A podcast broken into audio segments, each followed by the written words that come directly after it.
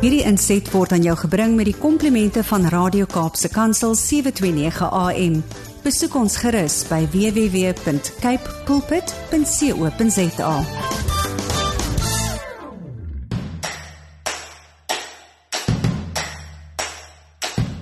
Sewe uur net na 7 op 'n Saterdagoggend op die senders van Kaapse Kansel 729 beteken jy luister na Landbou Landskap. Hartlike goeiemôre van my Willem van Jaarsveld, jou gasheer.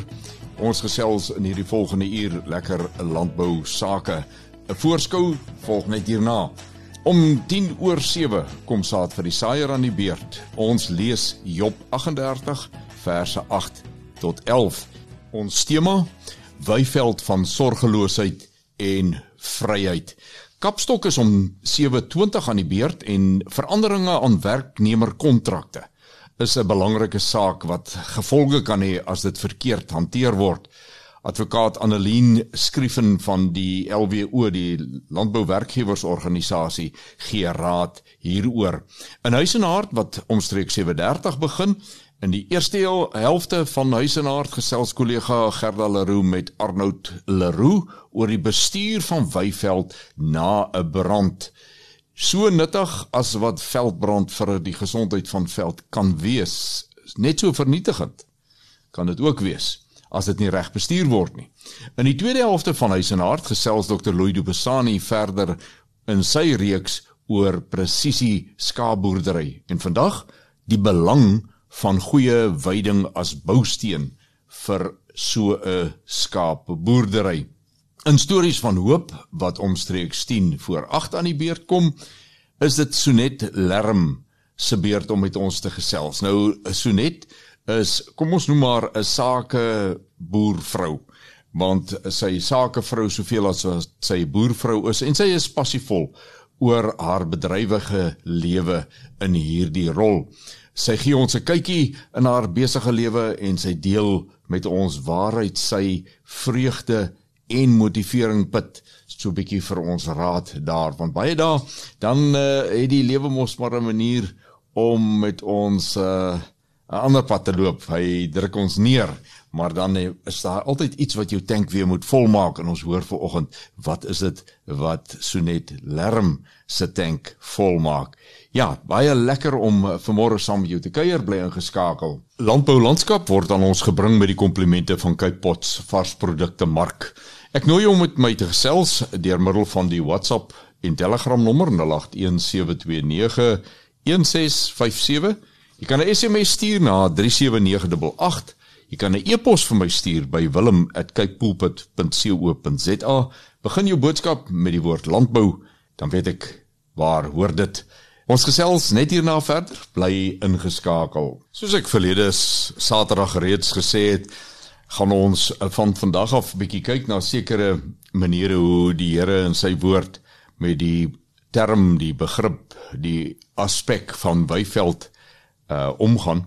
En uh in vandag se program het ons sommer lekker uh fris inset oor Weiveld, Weiveld bestuur die belangrikheid daarvan ensovoorts en en ons gaan in saad vir die saaier dan begin vandag met Weiveld van sorgeloosheid. Dit is een van die temas wat ek raak geloop het so met my ondersoek na waar die Here oor Weiveld praat. En ons skop sommer daarmee af net hierna in Job 39 gaan ons lees daarvan en daar aan daai uh kapstok gaan ons so ietsie hang om oor na te dink dalk inslag te vind in ons of beslag te vind elke dag in ons lewens net na die wegbreek saad vir die saaier. Dit het nou tyd geword vir saad vir die saaier. Ons tema vir oggend Weiveld van sorgeloosheid. Job 39 verse 8 tot 11 is die gedeelte in die woord wat ons na gaan kyk. Daar staan: Wie het die wilde esel so vry laat loop en wie het die bande van die woestynesel losgemaak? Vir hom het ek, dit is die Here, die wildernis sy huis gemaak en die brakland sy woonplek. Hy lag oor die gewoel van die stad. Die geskreeu van die drywer hoor hy nie. Die omgewing van die berge is sy weiveld en al wat groen is, soek hy uit pragtige beeld was dit vir my toe ek hierdie skrifgedeelte lees En ek kry hierdie gedagte van of sien die prentjie van 'n wilde esel, 'n uh, 'n ding wat mense nie aldag weet hoe om te hanteer nie, 'n woestynesel. Gaan die Here en hy let ook op hom. Uh en hy maak sy maak hom los. Hy sê hy het sy bande losgemaak.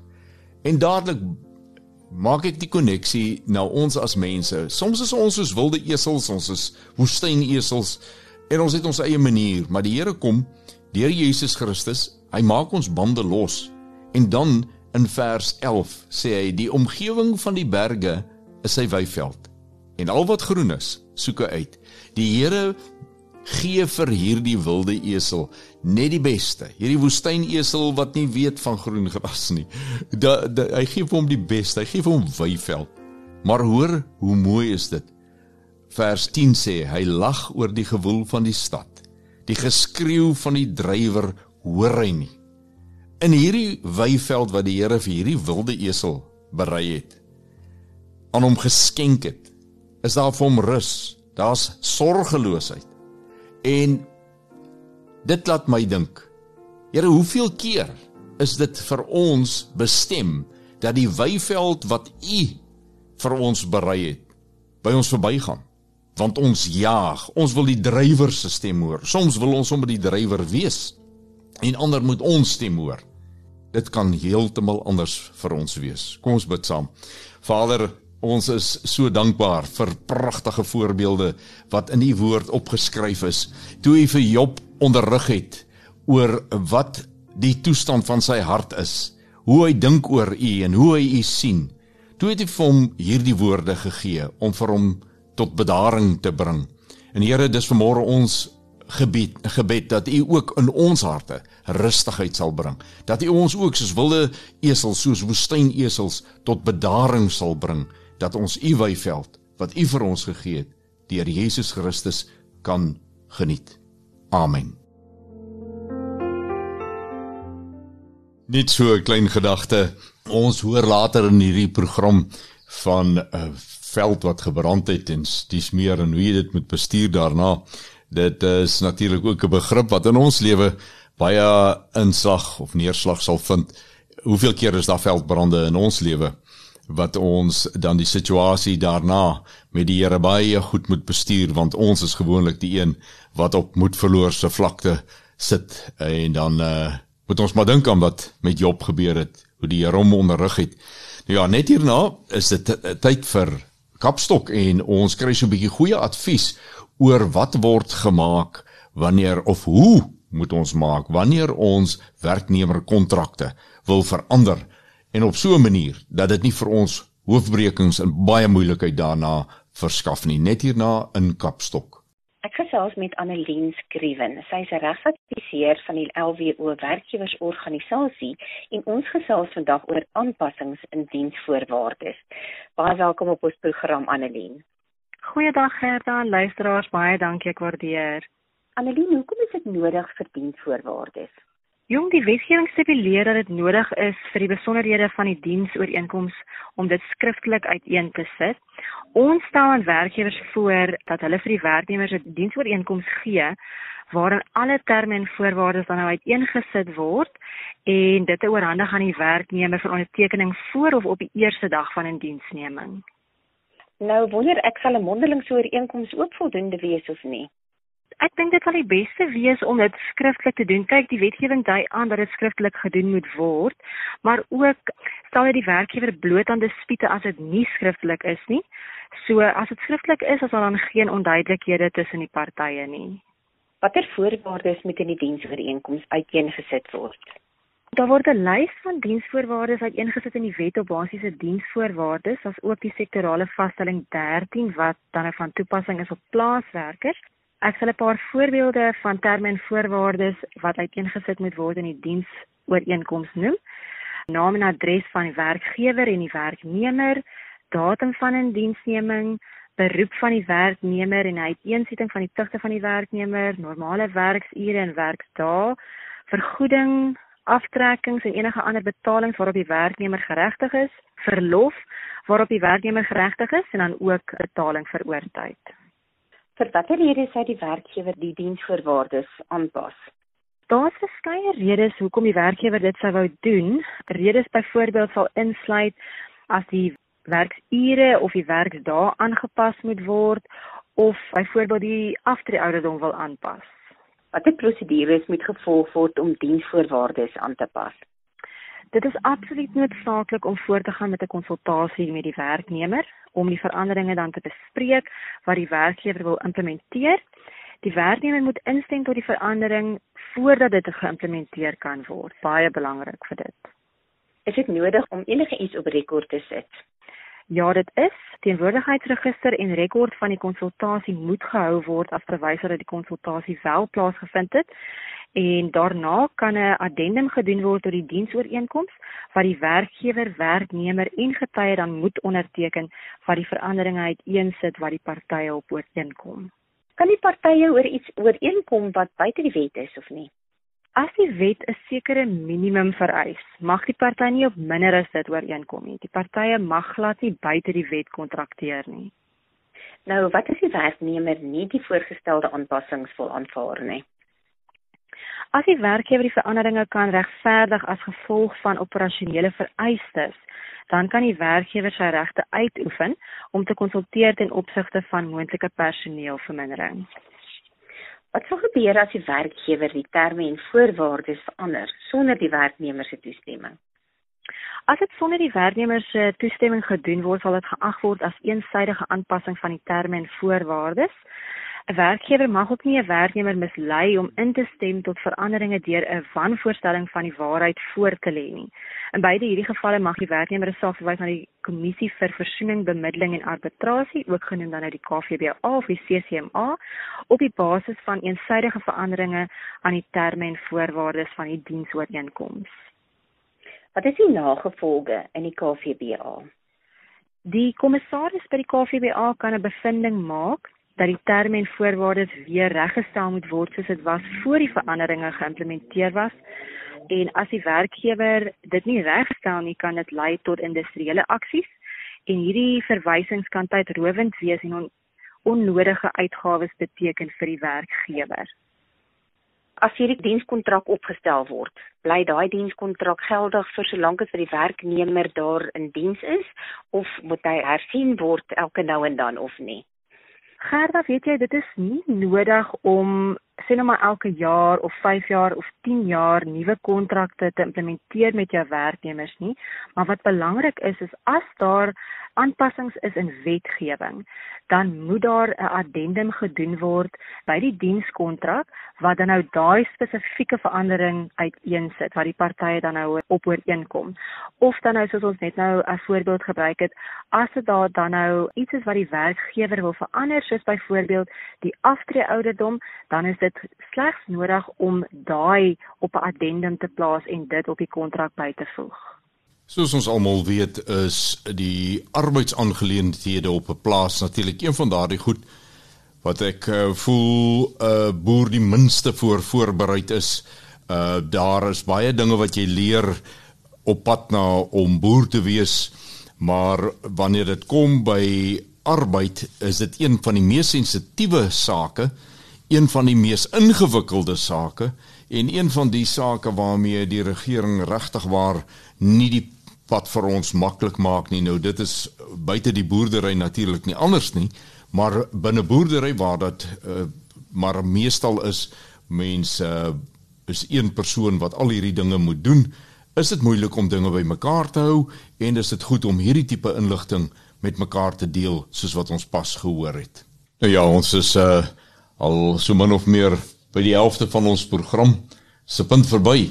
En net na die volgende stukkie musiek en wegbreek is daar tyd vir huis en hart. En vanmôre in huis en hart gesels ons oor die bestuur van veldbrandbeskadigde weiding. Hoe om dit te doen om die beste moontlike van so 'n situasie te maak. En ook net daarna gesels Dr. Dupesani oor Weiveld se belangrikheid as die een van die boustene, die grondslag vir presisie skaapboerdery. En ons gaan ons program dan na Huis en Hart afsluit met 'n uh, storie van hoop. Vanoggend so net Lerm wat so 'n bietjie met ons oor haar wêreld gesels en ons motiveer om die lewe en mense ook op 'n ander manier te bekyk en daaruit vreugde te put net hierna. Ek gesels met Arno Leroux. Hy's vryskut konsultant vir Weyveldbestuur. Arno, hartlik welkom op ons program. Dis lekker om met jou te gesels. Goeiedag Gerda en die luisteraar. Arno, in die vorige programme het ons nou al gepraat oor wat julle Bella Bella brandbestrydingsvereniging doen, brandbane en julle kapteinedag en al sulke dinge. Maar nou wil ek weet, as jou veld nou gebrand het, hoe bestuur 'n mens daai veld? Ons gaan net weer terugverwys dat vuur is wel 'n natuurlike verskynsel maar daar is mos dan nou 'n verskil of 'n veld gebrand het met 'n ongeluksvuur, weghardloopvuur verkeerde tyd van die jaar versus 'n beplande beheerde blokbrand. Ons voel in beide gevalle moet ons die veld net eers weer 'n kansie gee om te herstel. Indien moontlik in 'n beesituasie waar mens kampe het, kan 'n mens die brande area rus net om 'n kans te gee dat die gras dan hulle reserves vanuit die wortels uit benut om te hergroei tot 'n hoogte wat hulle dan nou genoeg kan fotosinteer en weer kos reserves terugstuur na die wortels toe en ook baie belangrik om saad te produseer. So dis hoekom dit nogal baie belangrik is om daai veldjie of daai kamp te rus om daai plante die kans te gee om weer voldoende terug te groei en dan die smaaklike blare dan beskikbaar te stel dan vir gebruik bietjie later. Nou jy het so kortliks het jy nou gesê dat die blare moet nou net op 'n sekere hoogte wees waar hy kan fotosinteer. Nou, hoe lank tydperk moet 'n mens eintlik daai veldrus? 'n Jaar, 2 jaar? Nee, net 'n seisoen. As 'n mens hom net 'n seisoen kans kan gee, dan is dit voldoende. Laat hy net weer volkome hergroei, saad produseer en dan dan skakel 'n mens hom net weer in by mense rotasie bewydingstelsel op die plaas. Nou as die veld gebrand het, is dit nie net die gras wat gebrand het nie. Wat doen dit aan die grond? Weereens het dinge wat se tyd van jare dit gebrand, is dit 'n weghardloopvirus wat plaasgevind het in die winter of in Augustus, dan het daai area dalk vir 'n maand of 2, 3 alvorens die goeie reëns gekom het, dalk par gelê, pik swart en redelik warm gebak.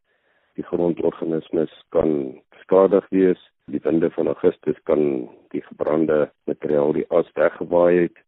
In teenstelling met 'n beheerde blokbrand wat 'n mens dan doen kom ons sê in Oktober na die eerste goeie reëns dan weet 'n mens redelik spoedig na die brand plaasgevind het kom maar goeie reëns dis is daar minder skade op grondvlak op op mikroorganismes maar ja tydens 'n brand reg gerda dit is nie net die gras wat brand nie dit is die struike en die bome ook.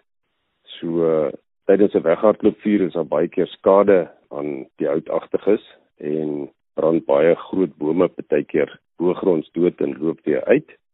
So partykeer kan so 'n uh, ongeluksvuur baie strukturele skade in die ekosisteem aanrig. In teenstelling as mense 'n beheerde blokbrand doen en mense het genoeg gras, 3 ton gras byvoorbeeld per hektaar, dan kan vuur ook weer gebruik word om bosindringing of bosverdigting te bekamp om daai houtagtige stand spesifiek dan as dit ware 'n bietjie terug te sit sodat mense hulle dalk weer chemies kan opvolg met 'n blaarbespuiting. So dit gaan twee kante toe. As 'n boer se veld afgebrand het, watse raad sal jy dan nou vir hom ekstra gee as jy hom gaan besoek? Wel, mens moet altyd maar opnames doen om te bepaal wat is die skade het sy op die graslaag of op die struike en die bome. En as daar 'n probleem in die veld was soos bosindringing of bosverdigting, dan gee dit baie keer vir die boer of die die bestuurder 'n voorsprong dat 'n mens dan spoedig kan inklim en selektiewe bespuiting doen op die houtagtiges se blare wat hergroei om hulle te beheer. So byvoorbeeld, kom ons sê dit is een van die doringboom spesies of 'n sekelbos probleem, dan kon mense in die verlede moeilik dalk in die terrein ingekom het. Die bos was dalk te ry gewees, nou het hy oopgebrand. Nou is dit makliker om daar te beweeg te voet of miskien selfs met 'n voertuig en dit gee net dan nou toegang om dan byvoorbeeld die indringers dan nou of verdigters te bestry. Maar ja, mens moet eintlik maar opnames doen om te bepaal wat is werklik waar aan die gang voor die vuur en na die vuur om te bepaal wat se bestuursbesluite mens kan neem. Nou dit verskil ook van plaas tot plaas, nê? Nee. Ja, dit verskil definitief van veldtipe tot veldtipe, suurveld, gemengde veld, soetveld, van plaas tot plaas en op 'n plaas van kamp tot kamp of veldtipe tot veldtipe. So elke area is uniek en mens moet elke area uniek bestuur. En elke area gaan dalk anders reageer na byvoorbeeld 'n weghardloopvuur of 'n beheerde vuur. As daai veld nou afgebrand het, kan 'n mens op 'n stadium dan smaakliker grassade daarin saai om daai veld ook te kan help om 'n beter weiveld te verskaf. Gerra wat baie keer gebeur is mens het 'n situasie waar baie onsmaaklike grasspesies tot so mate oorgeneem het en amper verdig het en mekaar versmoor het dat daar nie meer baie smaaklike grasspesies tussen daai polle was nie en sou daar 'n vuur onbeplant of plant dan die area skoon gebrand het as dit ware dan gee dit mens wel die geleentheid om 'n mengsel van smaakliker grasspesies in te saai. So dit kan te voet gedoen word, per hand gedoen word, dis arbeidsintensief of 'n mens kan selfs kyk om dit meganies te doen maar dit is nou nie regtig soos aangeplante weiding vestig met implemente en planters en dis meer nie. So dit is 'n bietjie meer arbeidsintensief, maar ek het self ook al bietjie daarmee geëksperimenteer self en gevind dat dit wel definitief positiewe bydrae kan lewer oor tyd. Nou maar dan wonder ek nou daai onsmaaklike grasse. Hulle gaan ook mos weer teruggroei. Hoe beheer 'n mens dit? Of moet jy dit nie beheer nie? Ja, onsmaaklike grasse is 'n relatiewe begrip. Dit is mens met met mens 'n tipe beweiding wil 'n mens soveel as moontlik van die grasse benut. So in die vroeëre groei seisoen is beeste byvoorbeeld geneig om die minder smaaklike grasse wel ook te benut en natuurlik nou die smaakliker grasse dan te kan oorbenut. So dis hoekom dit belangrik is om wisselweiding toe te pas dat hulle nie die smaaklikste grasse oorbenut en ja, dan nou die onsmaaklike grasse onderbenut nie. So dis 'n fyn balans wat 'n mens moet handhaaf met mense beweidingsstelsel. So dis hierso waar hoëdruk beweiding dalk 'n voordeel kan inhou. Definitief, ja. Ek doen dit self ook en die beeste gaan in die kamp in en hulle bewy 2/3 van die gras af en 'n mens skuif die beeste. Dan weet mense hulle die smaaklike, medium en minder smaaklike grasse soortgelyk benut en dan verskuif mense die beeste.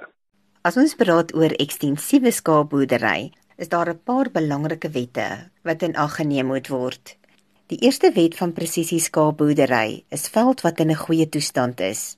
Die tweede wet is 'n teelkudde wat onder hul spesifieke omgewingstoestande gemaklik en gereeld beset raak. Hul dragtigheidstermyn suksesvol voltooi wat maklik en sonder probleme geboorte gee aan gesonde lammers en hul lammers suksesvol grootmaak en speen. En die derde wet is maksimum wins. Ek gesels hieroor met Dr Louis Dupisani. Hy is onafhanklike landboukonsultant. Dr Louis, baie welkom. En dit is lekker om weer met jou te gesels. Goeiedag. Goeiedag Gerda en goeiedag aan die luisteraars. Dr Louis, vandag wil ek met jou praat oor die eerste wet van presisie skaapboerdery. En dit is die veld wat in 'n goeie toestand moet wees. Watter bestuursfaktore is van belang ten opsigte van veld en veldtoestand in 'n ekstensiewe skaapboerdery? Wanneer ons praat oor die belang van veld in presisie skaapboerdery, is daar 'n paar aspekte wat presies reg bestuur moet word as dit kom by veld. Die eerste ene wat reg bestuur moet word is om te sorg dat die veld in 'n goeie toestand is. Die tweede wat presies bestuur moet word is om die veld te belaai met 'n getal vee wat in harmonie is met die plaas se draagvermoë. En dan derdens is om bestuursaksies en bestuursfaktore toe te pas met veldbestuur wat sal veroorsaak dat die veld volhoubaar oor tyd aangewend kan word. Nou Gerda die heel belangrikste ene is en dit is die belading wat jy op die plaas toepas. Nou, daar is 'n Babelse verwarring dikwels tussen veeboere oor twee weidingkundige terme wat verwar word. En dit is belading en veedigtheid of die digtheid van beweiding. Dit is nie sinonieme van mekaar nie en hierdie twee verskil hemelsbreed van mekaar en dis belangrik om dit net vinnig te bespreek want die presisieboerdery in die eerste plek hang af dat jy die korrekte belading toepas. Nou as 'n mens 'n plaas het wat argumente onthaalwe 1000 oeye kan dra. Dit is die dra vermoë van die plaas, 1000 oeye. En jy hou 1000 oeye aan, dan belaai jy hierdie plaas volgens sy potensiaal. Gestel dis 'n 1000 hektaar plaas wat 1000 oeye kan dra. As jy 1000 oeye op hom aanhou, dan belaai jy hom 1 ooi per hektaar want dis 1000 oeye op 1000 hektaar. Dis die belading en dis in ooreenstemming met die dravermoë van die veld. As jy nou net die grensdrade van daai plaas het, daar's geen binnedrade nie dan is die digtheid waarteen jy belaai is ook 1 ooi op 1 hektaar want hierdie 1000 oeye loop ons nou op die hele 1000 hektaar die hele jaar. So dan is jou belading en jou digtheid is presies dieselfde. Maar sê nou maar daar's twee kampe, twee kampe van 500 hektaar elk. En jou skaap loop vir 6 maande van die jaar in die een 500 hektaar en die ander 6 maande van die jaar in die ander 500 hektaar dan het jy nog steeds 'n belading van 1 ooi op 1 hektaar want daar's 1000 oeye op die 1000 hektaar. Maar wanneer hulle in die 500 hektaar loop, dan is jou digtheid daar 2 oeye op 1 hektaar vir 6 maande van die jaar. En wanneer hulle dan oorskuif na die ander 500 hektaar, dan is die digtheid 2 oeye op 'n hektaar vir 6 maande van die jaar. En dis hoe die twee verskil van mekaar. Maar die belangrike een in vir presisieboerdery is dat jy moet reg belaai wees. Die oomblik wanneer jy onderbelaai is, het jy fantastiese produksie per dier. Jou skape gaan verskriklik goed lyk en hulle gaan goed presteer, maar jy gaan nie geld maak nie want jy het te min skape op die plaas. As jy te veel skape op die plaas het, dan gaan die skape nie goed produseer nie en die boer gaan ook nie wins maak nie want daar's te veel die diere is kronies honger en dis hoekom die belading so verskriklik belangrik is as jy te min diere het gaan jy nie geld maak nie. As jy te veel diere het, gaan jy ook nie geld maak nie want daai diere is kronies honger. So dit is die verskriklike belangrike een. Alles wat daarna kom is eintlik maar gereedskap wat jy in jou gereedskap kus het, hoe dat jy dan die veld wat beskikbaar is vir die belading waarteen jy toepas, hoe jy dit gaan ransoneer. En daar is 'n paar goed wat nou 'n belangrike rol speel en dis jou tropgrootte onder andere. Natuurlik Hoe kleiner jou troppe op die plaas is, hoe meer troppe gaan jy hê. En hoe meer troppe jy het, hoe groter druk plaas jy op die getal kampe wat jy het. En dan kry jy later 'n situasie dat jy het amper net soveel troppe op die plaas as wat jy kampe op die plaas het en dan is dit baie moeilik vir 'n boer om 'n oordentlike wisselweidingstelsel toe te pas. So dan moet 'n baie goeie verwantskap wees tussen die getal troppe en natuurlik die aantal kampe wat jy op die plaas het. Tropgrootte speel hier 'n verskriklike groot rol. En ek persoonlik hou baie daarvan van groot troppe vir kort periodes in 'n kamp. Maar daar is ook tye van die jaar wat 'n mens dit nie moet doen nie wat dit fataal is. Dit help nie jy lam jou oeye in groot troppe nie. Dis beter om hulle in kleiner troppe te lam en dan wanneer die lammers hulle moeders baie goed ken, dan kan jy weer stelselmatig die troppe groter maak. Maar enige veeboer moet sorg dat hy 'n baie goeie veidingstelsel het waar die trop groot is en die getal kampe per trop en dan natuurlik uit die aard van die saak die weidtydperke baie goed met mekaar in verwantskap is en daarom is dit belangrik om 'n baie goeie veidingstelsel te hê. Die volgende een wat verskriklik belangrik is in terme van presisieboerdery as dit kom by veldbestuur is die herstel en die rustydperke. Nou Ek wil veral klem lê op rus. Wanneer 'n kamp byvoorbeeld wat aan 'n groep diere toegeken is, wanneer hy toevallig nie vee in hom het nie, dan praat ons van die hersteltydperk. Waar rus het te doen om dit vir 'n spesifieke rede vir 'n spesifieke periode te rus. En hier praat ons gewoonlik van 'n seisoensrus of 'n hele jaar se rus. Gerda veld het die vermoë om te herstel. Hy's amper soos 'n rek as jy hom uittrek. Hy sal nie sommer breek nie, maar as jy die druk op daai rek nou verwyder, dan sal hy terugkeer na sy oorspronklike posisie toe. So as 'n mens dalk 'n fout gemaak het met 'n kamp of met kampe op die plaas deur om te straf te bewyf, dalk vir te lank of met te veel vee, dan het daai vel die vermoë om terug te keer na sy oorspronklike posisie, maar om dit te kan regkry, is dit belangrik om hom van tyd tot tyd, gewoonlik so een keer elke 3 tot 4 tot 5 jaar vir 'n hele groei seisoen te laat rus. Dan baie belangrik veral in gebiede soos die Karoo, is dit fataal om jaar na jaar in dieselfde kampe te wees, dieselfde tyd van die jaar. Want skape het die manier, hulle vreet wat groen is en as jy hulle elke jaar in die lente in 'n kamp sit, sal hulle elke jaar daardie plante wat in die lente groen is, sal hulle vreet en daai plante sal met 'n tyd verdwyn en dit is gewoonlik die plante wat jy die nodigste het. En dan die laaste ene Gerda wat nogal belangrik is, en mense sou dink dis nie nodig om daaroor te gesels nie, maar as dit kom by presisieboerdery, moet elke kamp volgens sy eie kapasiteit en sy eie grootte benut word. Ek kry dikwels dat boere groot kampe vir 'n maand lank bewy en klein kampies vir 'n maand lank bewy met dieselfde trop vee. Nou uit die aard van die saak sal 'n mens dan mos nou weet dat die groot kampe sal baie minder druk ervaar as die klein kampies. As dit kom by presisieboerdery is dit belangrik dat elke kamp op sy eie meriete, volgens sy eie veldtoestand, volgens sy eie grootte en sy eie kapasiteit bewy moet word. Dr Louis, dankie vir jou saamgesels vandag. Ons gesels in die volgende program oor die tweede wet in 'n ekstensiewe skaapboerdery. Soos wat Gerda uh, na verwys het, gaan ons die volgende gesprek met Dr Dupesani uh, oor die bestuur van uh, diere op uh, veld en dit aan presisie boerdery in ekstensiewe skaapboerdery. Gaan ons uitsaai in volgende week se program en uh, waarskynlik weer in die tweede helfte van Huis en Hart.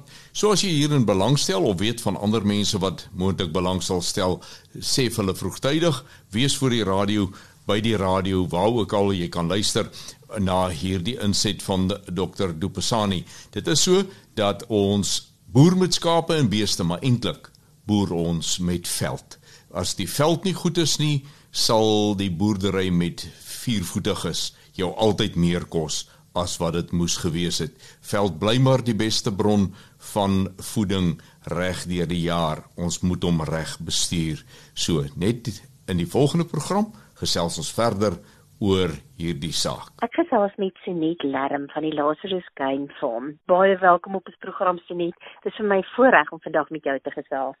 Goeiedag Gerda, goeiedag luisteraars. Dankie Gerda, is ook vir my 'n voorreg om met jou te kan gesels. Sunet, welkom jou belangstelling in landbou vandaan. Gerda, weet jy toe ek baie jonk was, ek was so 13 jaar oud, is my sussie getroud met 'n boer. En ek het elke vakansie vir haar gaan kuier en dan het my oupa ook so klein hoevetjie gehad op Palaborwa. En dit was my die begeerte van my hart om altyd te kon boer, om enig 'n boervrou te wees. Gelukkig het trou ek met 'n man, Nico Lerm, hy wat net so ek graag wou boer.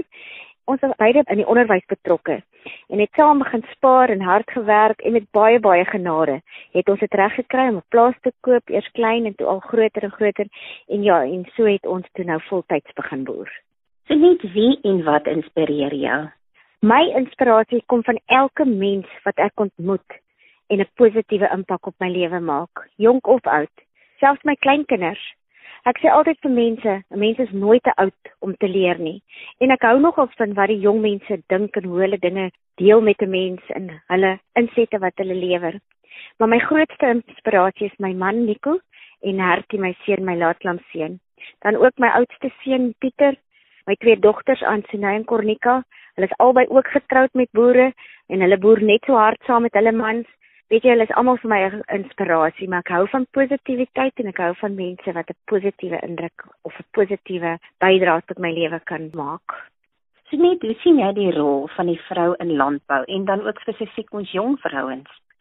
As ek 'n afspreekie het wat baie min is, dan skryf ek graag kort verhale, ware verhale van mense wat my pad gekruis het. Maar een van hierdie stories van my se naam is Droogte. En in hierdie storie het ek my hart uitgestort. Want as die man op die plaas swaar kry, en beklei teen die natuur en sy elemente, dan breek dit my hart. En dit is in sulke tye wat ons as die vroulike geslag moet sterk staan en moet moed inpraat. My motto is altyd maak nie saak wat gebeur nie, maak nie saak wie wat om ons aangaan nie. Praat positief want ons woorde het so baie krag. Ons rol as vroue is om ons man se arms in die lug te hou, om daar te wees vir hulle as hulle ons nodig het, om saam met hulle pad te stap en nooit moed op te gee nie. Ons moet ons werk doen asof vir die Here en ons moet in goeie en slegte tye daar wees om ons mans te ondersteun. Seniet en dan nou net so terug na die droogte storie wat jy nou gesê het en die hoop gee. Lê ja. nie binnekant van droogte se skoene nie. Het jy 'n storie van hoop, 'n kort een wat jy met ons kan deel? Ja, verseker, weet jy Gerda, ons het 'n 8 jaar lange droogte gehad. Dis hierdie jaar die eerste jaar wat ons damme water gekry het wat die pan weer water lê en wat dit groen groen groen om om ons is. Droogte is regtig waardeer. Ek sê as mense vir my sê wat ek sou kan gaan ek sê eerder te veel reën as te min reën. Droogte, 'n natuurramp waaraan ons niks kan doen nie. Jy kan voer op voer op voer gee, maar die diere soek daai voer wat hulle in die veld kry, daai natuurlike voedsel. En as die manne so uit die veld uitkom en dooie karkaste van diere wat gevrek het as gevolg van die droogte ten spyte daarvan dat jy baal op baal op baal uitsit en mielies en voer voer en dit werk net nie. Dit is regtig waar hartverskeurende om dan die groot sterk manne te sien en die verslaanheid op hulle gesigte omdat hulle weet hulle kan daaruit aan niks doen nie. Jy weet hulle probeer hulle bes maar teen droogte kan niemand beklei nie. Weet jy Gerda, die Here se genade is vir ons almal baie groot. Dit is absoluut deur sy genade wat ons hier deur kon gaan deur hierdie droogte. Hartie sê mos maklik dis mense en die natuur en alles werk teen ons boere, maar die Here is daar vir ons. Hy hoor ons gebede. En ek het dwars deur die tyd vir die mense en vir die manne veral gesê, bly net glo, bly net glo. Ek het later nie eens toegelaat het dat hulle moet kyk na die weervoorspelling nie, want ek sê dis nie die weervoorspelling wat die reën maak, dis nie die Here alleen. Maar die Here het vir ons was vir ons genadig en hy het vir ons baie goeie reën gegee hierdie jaar en ek glo mense moet net uithou en aanhou en vasbyt en soos ek vir sê die genade van bo is altyd genoeg. En dan nou laatens het jy 'n boodskap aan ons ander vroue in landbou in ons land. Ja, ek het ek wil vra vir hulle sê, dames, eintlik is ons die sterk geslag. Nie die manne nie, hulle dink hulle sterk, ons weet ons is sterk. Hulle kan nie sonder ons nie. Al sê hulle ook wat. En as jy jou man positief benader en al kom hy negatief in die huis in en al kom hy moeg gewerk in die huis in. Wees daar vir hom en nou hulle tot seer namens ons, die wind en die reën, die koue, die son, die bloedige hitte. Hulle probeer om vir ons die beste te gee. Hulle probeer om vir ons te sorg na die beste van hulle vermoë. En daarom moet ons as vrouens, as dames in die landbou net altyd bereid wees om te luister, te verstaan moed in te praat en positief te bly. Dit is altyd 'n vreugde om na iemand te luister wat nie net leef nie, maar voluit leef en die lewe vir ander mense ook inspireer en mense help om 'n beter self te wees. Ag dit was baie lekker om so na hierdie gesprek met Sonet Lerm te luister en baie dankie Gerda daarvoor. Wil jy nou meer? Ons is alweer aan die einde van die tweede program van Augustus maand. Weliswaar is ons in die middel van Augustus, die 8ste maand van hierdie jaar en jy weet hoe lyk die kalender van hier af. Ek wil amper sê dis net afdraand. Van hier af loop die jaar mos teen 'n geweldige pas. Maar baie baie dankie dat jy vanmôre tyd gemaak het om saam met my te gesel ges, uh, te gesels en te kuier. En Kaapse Kansel nooi jou om dit volgende Saterdag weer so te doen tussen 7 en 8. Jy kan gerus jou familie en vriende ook hierdie adres gee om na te luister. Baie dankie aan Kypots varsprodukte Mark wat landboulandskap vir ons moontlik maak. Gesels gerus met ons daar by die verskillende nommers en plekke wat ek aan die begin van die program vir jou gegee het om met ons te gesels. Dit sal vir my 'n vreugde gewees om van jou te hoor.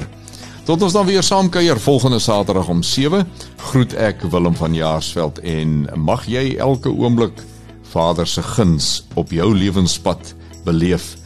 Bly gerus ingeskakel, die res van hierdie Saterdag is vol programme en luisterwaardighede op hierdie sender. Tot ons dan weer saamgesels wederom.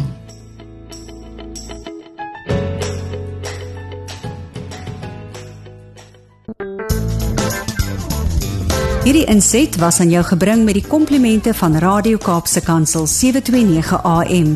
Besoek ons gerus by www.cape pulpit.co.za.